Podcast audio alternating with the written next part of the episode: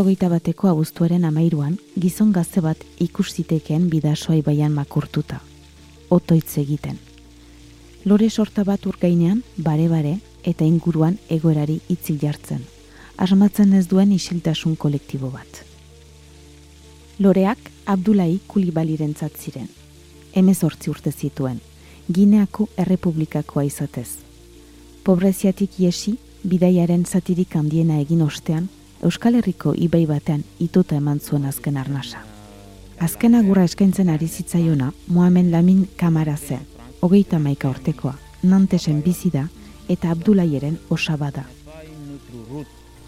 Sauf euh, dans le bis ou dans le voiture. Mm -hmm. Mais quelqu'un qui veut, qui a fait beaucoup de difficultés derrière, tu viens juste à côté de France, là tu, tu, tu veux toujours traverser dans la mer, c'est pas bien du tout.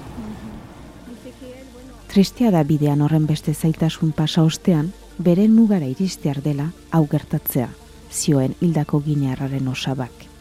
Bide galdu bat da Abdulai Kulibalirena. Urte bete eskasean mugaren itxierak eragin dituen gutxinez zortzi eriotzetako bat.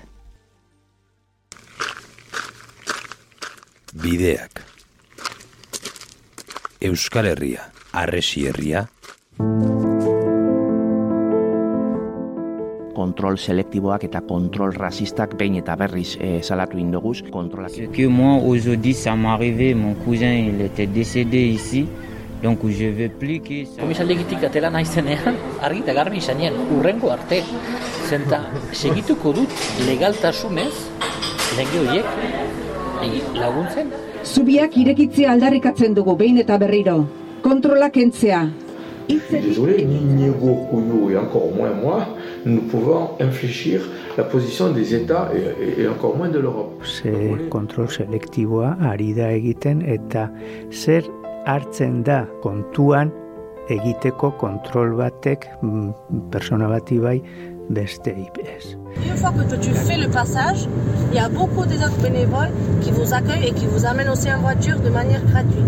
Si, si ils, ils ont vu, les policiers ils ont vu que la lehen atala, bide galduak.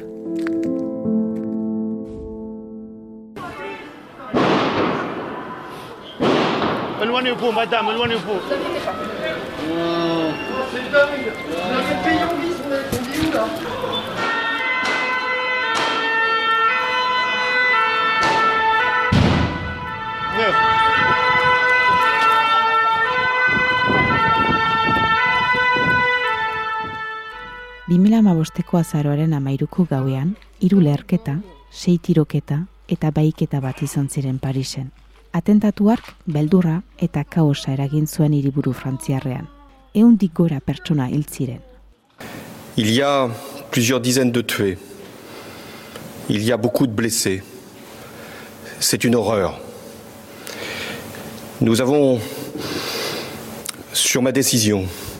mobilisé toutes les forces possibles. Frantziako gobernuak mugen erabateko kontrola ezarri zuen segurtasunaren izenean. Deux décisions seront prises. L'état d'urgence sera décrété ce qui veut dire que certains lieux seront fermés, la circulation pourra être interdite et il y aura également des perquisitions qui pourront être décidées dans toute l'île de France. L'état d'urgence, lui, sera proclamé sur l'ensemble du territoire. La seconde décision que j'ai prise, c'est la fermeture des frontières. Europa barnean, mugarik gabe mugitzeko eskubidea bermatzen du Schengeneko akordioak.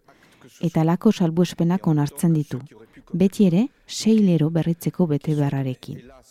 Frantziako estatuan ordea, larrialdi egoera eta honek zekarren mugen kontrola sei lero berrituz joan da, ia betiko bihurtu arte. Parisko atentatuak izan ziren lehenbizi, pandemia gero, François Hollanden gobernua lehenbizi, Emmanuel Macronen ondoren. Ce ne sont pas forcément les frontières nationales Il ne faut céder là à aucune facilité, aucune panique. Nous aurons sans doute des mesures de contrôle, des fermetures de frontières à prendre.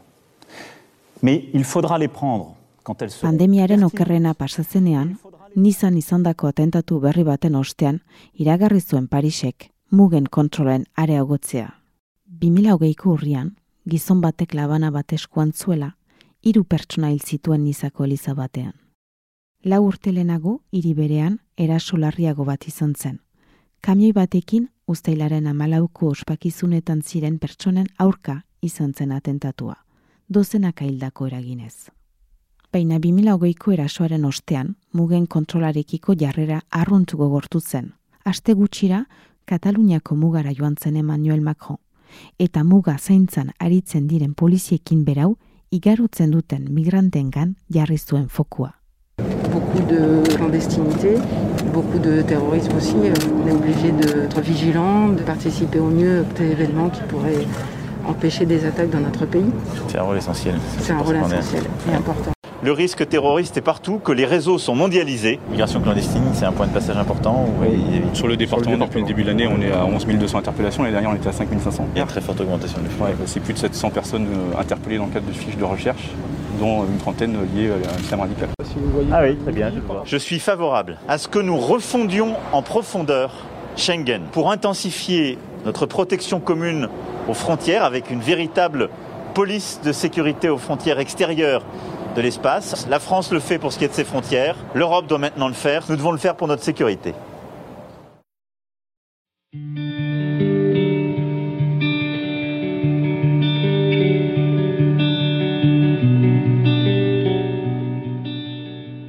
Talde eritrear jatorriko gazte baten gorpu aurkitu zuten atzo irunen bidaso ebaiaren bazterrean bertako harrera sareak dioenez urkatuta agertu zen irungo azken portu auzoan. Ertzaintza ikerketa abiatu du gertaturikoa argitu asmoz, baina oraingo ez dute bortizkeria zantzurik aurkitu eta beraz ba, gaztea bere buruaz beste egin zuela uste dute. Momentuko e, gaztearen jatorria baizik ez da bai ez dakite trantsitoko migrante bat otezen, irunen otezen bizi, papera zituen ala ez, informaziorek lotu nahian dabil irungo arrera sarea. Transitoan zegoen gaztea zela baizatuko balitz, frantses estatuak ego eta ipar euskal herriaren arteko pasabideetan kontrola zorroztu ondoren gisa horretara hilden pertsonen zerrendaren azera litzateke. Jadanik pasaden martxoan pertsona hauek gureraino iritsi eta frantses estatura edo eta Europara joateko jasaten duten odisearen berri eman zuten. Hain zuzen, martxoaren amairuan endaiako gazte talde batek bidazoa ibaian igarian pasatzen ari zen hogeita bi urteko gazte ginear bat atera zuten uretatik hipotermia baten atarian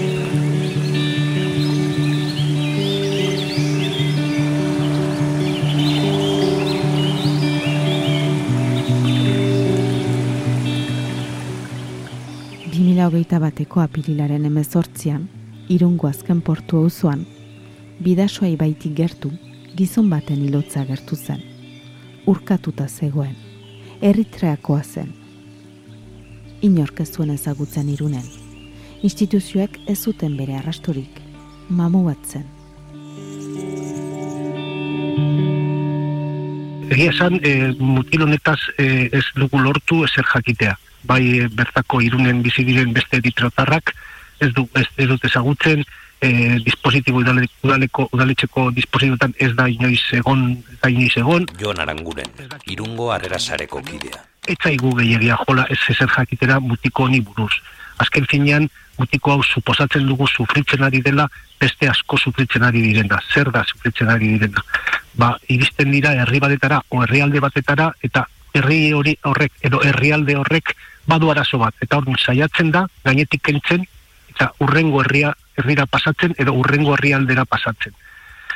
Hori da gertatzen ari dena, eta badur aldetik eh, egingo dugu, hain arte egin duguna, aldugun neurrian lagundu e, informatu e, iristen diren migrante guztiei, eta bestaldetik, ba, hor bezala, salatu e, zenbait egoerak e, aurkitzen dugunean, eta, salat, eta salatzea, eta salatzea, eta e, bizibilizatzea. Zai dute ezin dugu normalizatu, ezin dugu normalizatu hil bat gure gure herrialdean, gure inguruan hontan. Eta izan da... Bestalde gaur bidasoa ibaia igerian zeharkatu nahian, hogeita bi urteko ginear bat erreskatatu behar izan dute, endaiako herritar talde bate jakinarazi duenez, martxoaren amairuan izan zen erreskata, erreskate hori bidasoa ibaia esan bezala, zeharkatu egin zuen, egoera larrian zegoen eta herritar talde batek eh, lagundu zion uretatik eh, ateratzen. Gipuzkoa eta Lapurdi arteko mugan jarraitzen dugu, Santiago Zubian zehazki, migratzaiek mugan topatzen dituzten zailtasunen berri emateko. Hemen, oain dugu gertu, hemen gure ondoan dago bidazoa, ja, jakin dugu bi alditan e, e, berrez, e, eskuratu behar izan dute bi migrante, zar, zar, bueno, batek, berez, e, bat iritsi zen endaiaraino eta eskerrak lagun batzuk hor, e, e, zuten eta etxeratu, berotu eta jan eta arropa legorra eman zioten. Baina bestiak ezin izan zuen e, pasa eta bueltatu zen eskerra berriz iritsi zen berriz e, e, lurra. Eta ez, oin arte ez dakigu zerbait gehiago larriago gertatu den ala ez. Espero dugu ez ez. Hor ere niri behintza gustatzen zain salatzea ez dugula inauguratu nahi laugarren e, hilerri bat. Badugu Saharako hilerria, Mediterrano hilerria Atlantiko hilerria. Ba, hemen ikusten badugu laugarren bat ba, oso berri txarra izango litzateke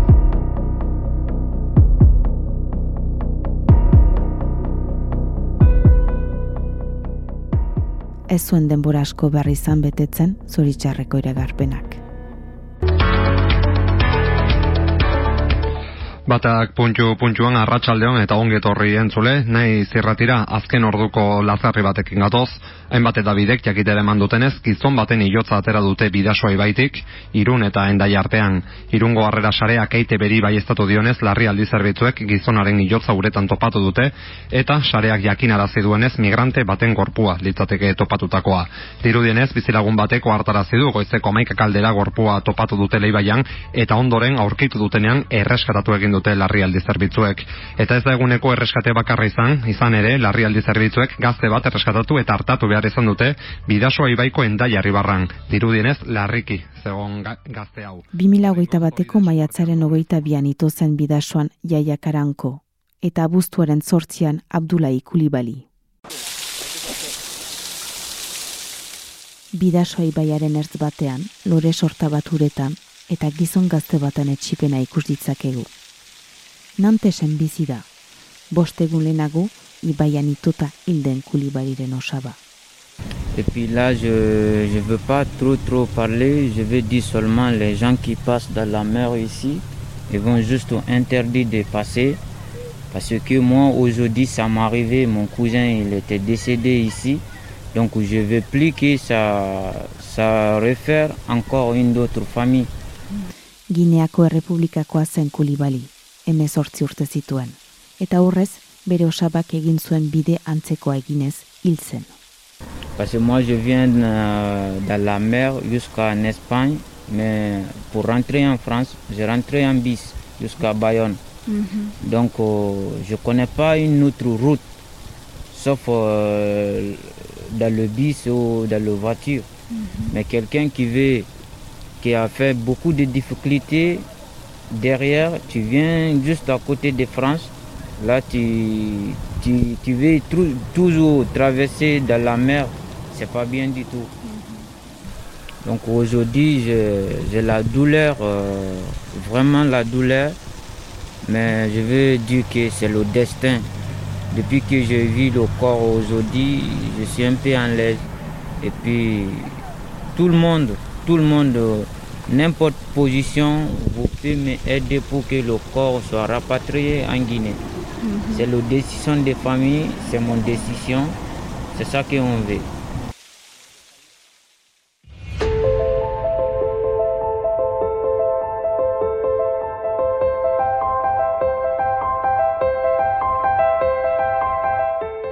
Izen eta bizenik gabeko eriotzak izan dira gehiegitan migranteenak bidasoko mugan hildakoan jatorri, adin eta izena bizenak, magikoz nahi idazlearen lanari eskerdak izkigu, besteak beste. C'est, oui, c'est très compliqué de, de, de retrouver. Alors, c'est à la fois compliqué et à la fois simple. Mm. Quand on se dit, la première chose, c'est il y a quelqu'un qui sait. Moi, je ne sais pas qui vient de mourir là. Mais forcément, il y a des gens qui savent. Idazlen gaiatua da koznei. eta mugan hildakoen izena bizenak ezagutu eta hauen hilotzak euren herrialdera aberriratzeko lan eskerga egin du. 2008ko ekainaren amaseian, hil zen itota Abdurrahman Eba. Donc, euh, les gens savent que, tel, par exemple, euh, le meilleur ami d'Abdourahman Ba, qui était encore sur les îles Canaries, savait très bien que cette nuit-là, il allait passer. Bon, par exemple. Donc, il y a des gens qui savent. Bere lagun honenak bazekien gau hartan egin behar zuela bidasoa igarotzeko saiakera. Baina ingurukoek ez dute gehiegi hitz egin nahi izaten. Eurak ere, legez mugatu nahi zaien bide batean murgilduta direlako. Le déclencheur dans toutes, les, dans toutes ces histoires, mais maintenant je pense que Pays Basque Nord, les gens le savent, c'est que le délégué aux migrations du gouvernement basque s'appelle Xavier Hildakoen jatorria, izena bizenak, nor diren Euskal Herrian, Frantziar eta Espainiar estatuen muga pasatzean hil direnak argitzeko bidean, Eusko Jaurlaritzaren migrazio zuzendaritzaren lana eta hildakoen herrialdekideen azpimarratu ditu Kozneik. Ça, ça a été, au départ, je l'ai appelé parce que c'était pour le premier mort, c'était pour Yaya Karamoko. Et ça a été, euh, sa réaction, il n'a pas, pas réfléchi cinq minutes. Il a dit, bien sûr, il faut savoir qui c'est. Et il faut faire ce qu'il y a à faire. Et il le fait, il continue. Je te dirais même que pour euh, les morts algériens qui sont morts du côté français à Cibourg, c'est lui aussi qui a donné les noms. Lan horri esker dakigu, 2008 bateko apirilean, bidasoaren ertzean, bere buruaz beste egin zuenak, tezfit tentzid zuela izena. Hilabetera itota hiltzena, hogeita zortzi urteko bolikostako gaztea zela. Jaia karanko zuen izena. Urte bereko abuztuan, itota hiltzena, Abdulai Kulibali emezortzi urteko ginearra zela. 2008 bateko urriaren amabian, goizaldeko bostak aldera, ziburun trenbide bazterrean eskutuan lotan zirela, trenak harrapatuta hil zirenak, Mohamed Kemal, Feikal Amiduse eta Ahmed Belerich algeriarrak zirela. Hilabetera, bidasoa ibaian hiltzela, suaibu bila, bolikostako gaztea itota. 2008ko martxoan, Gipuzkoa eta Lapurdi arteko uretan desagertu zela Ibrahim Diallo, hogeita lau urteko senegaldarra.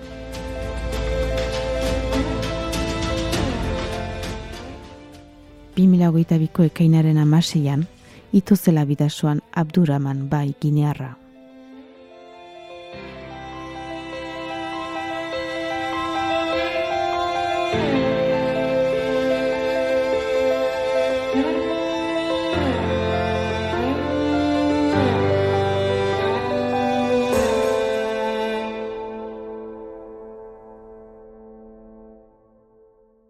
Hoiek dira eraginak, e, hoiek dira, pues, azken finean, e, gurutzatu beharko dute.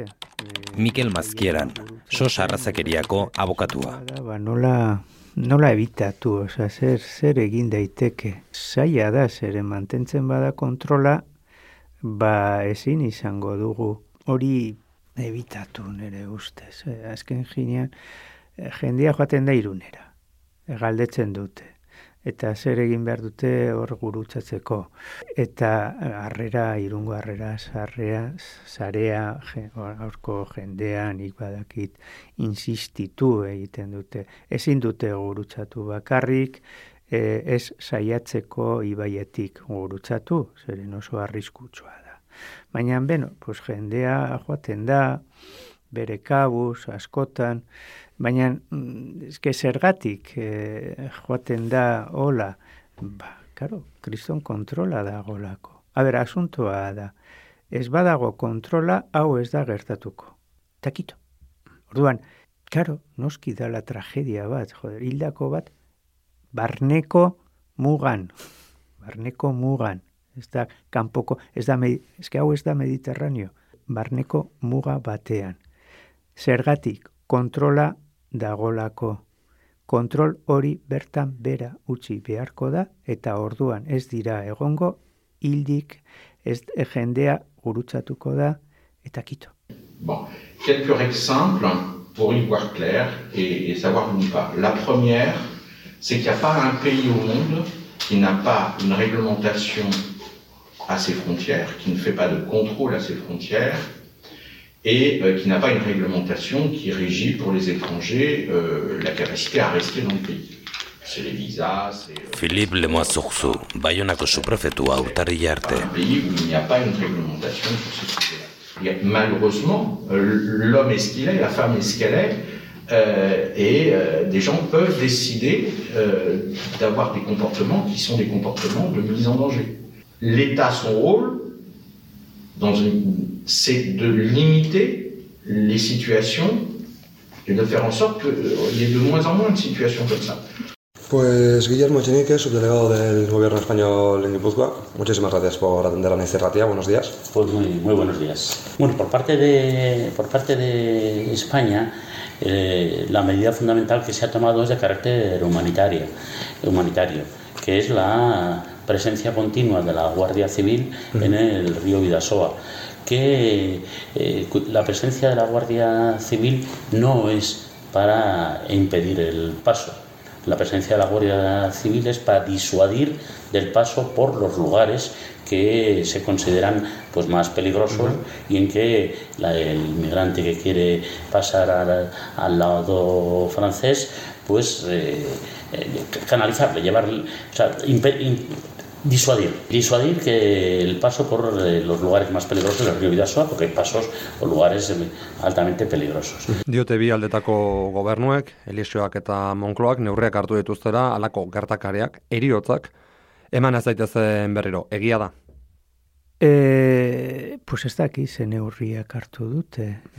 e, nik jarri dut neurri bat hemen bai gainean. Kontrolik ez, mesedez. E, da espazio iriki bat. E, gero Frantzian, Frantzian, daudenean, eta atxilotu egiten badezu Schengen akordioa hor dago araututa zer egin behar dezu. Baina bitartean ez da egon behar mugan kontrolik. Ez dira egon behar.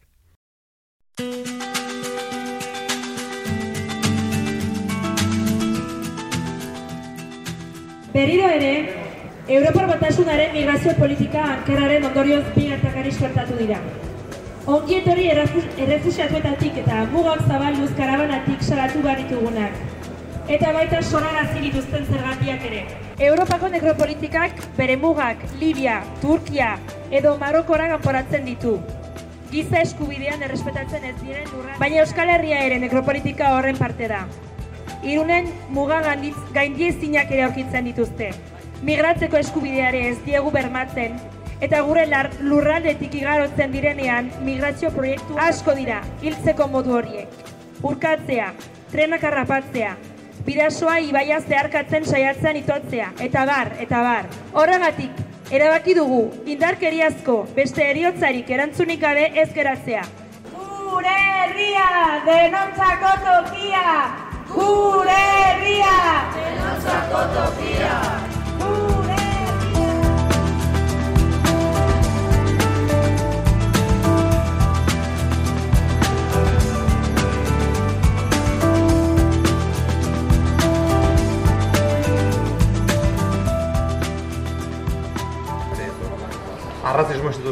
Egiten ari gara. Bai, niregatik, bai, eta duela aurte bat e, labeko ekintza sozialetik hasi ginenean diskurtsoa lantzen eta ni e, muga inguruan bizitu ez eta argi eta garbi nik uste dela politika migratzaile arrazista bat. Einaut Aramendi, sindikalista eta etorkinekin kolektiboko kidea. hiltzailea dela. Eta horrela salatu behar dugu. Eta azken aldian komisaldegian egon nintzenean zazpi orduz migrante batzuk izateagatik nire autoan, e, esanien argi eta garbi. Ezin dutela bestaldera begiratu haiek ere. Ezin dute leporatu hemen badaudela jende batzuk laguntzen zuzerak pasatzen. Ez ez, arazoa polizia da. Polizia ez badago zubi horietan, inor ez du pasako muga e, bidasoatik, oinez, bustita, edo menditik, edo bide bazterretik gauez, ez dela egia. Denok ukan barko genuke derretxo berdina. Eta derretxo horiek dira ibiltzeko normaltasunez, autobusez, oinez, trenez, nahi dugun moduan. Eta hortan, hortan ikusten borrokatu behar dugu, eta horregatik, bai. e, da politika migratzailea, arrasista, hiltzailea. Eta hori salatu behar dugu, eta salatu behar dugu gehiago salatzen. Esoto, hortan ere, zaila dela.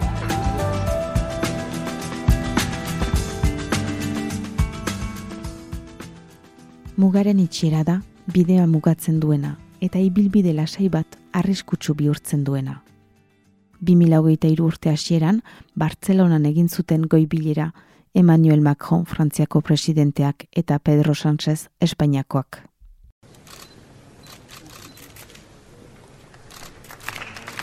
Van a proceder a la firma del Tratado de Amistad y Cooperación entre el Reino de España y la República Francesa. Coopération entre le Royaume d'Espagne et la République française, faite à Barcelone le 19 janvier 2023.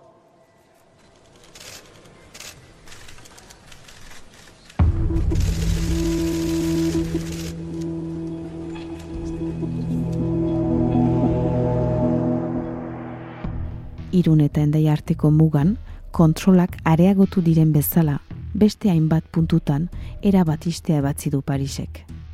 Ez zuten azalpen handirik emana izan bi presidenteek.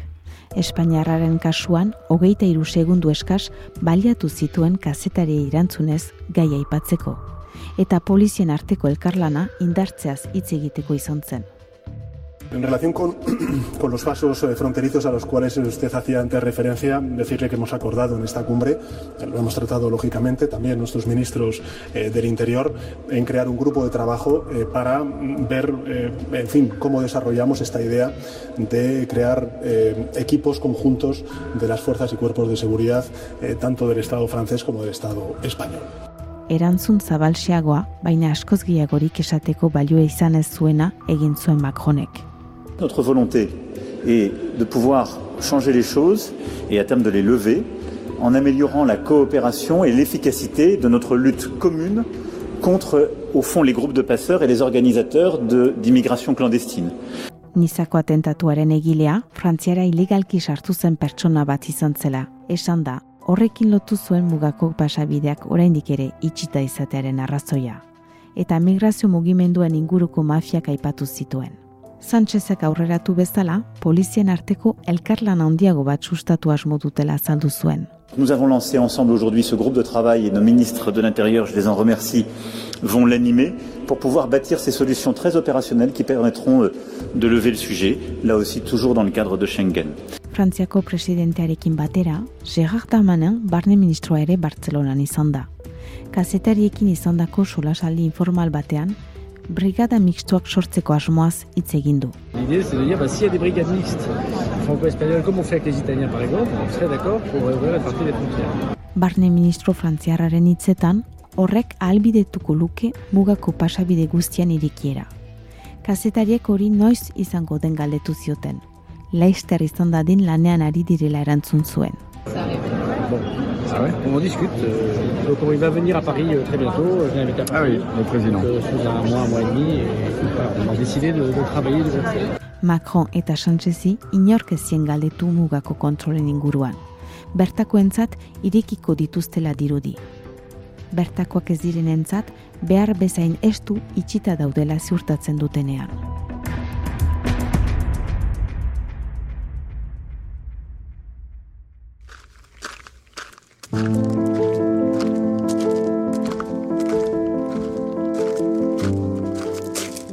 Bideak, naiz irratiak eta media baskek mugaren itxierak migrazio bideetan izan dituen ondorioak aztertzeko osatu duten lan berezia da.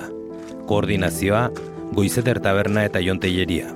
Elkarrizketak, Ximun Larre eta Egoi Belategi. Lokuzioa, Oiana Dagerre. Edizioa eta errealizazioa, Larraitzotazo. Argitalpen hau, bideak inmigrazio eztabaidan proiektuaren esparruan kokatzen da. Pirineo Atlantikoetako eta Gipuzkoako herritarrek ideiak mugaz gaindiko aurrekontu parte hartzailearen irabazlea da.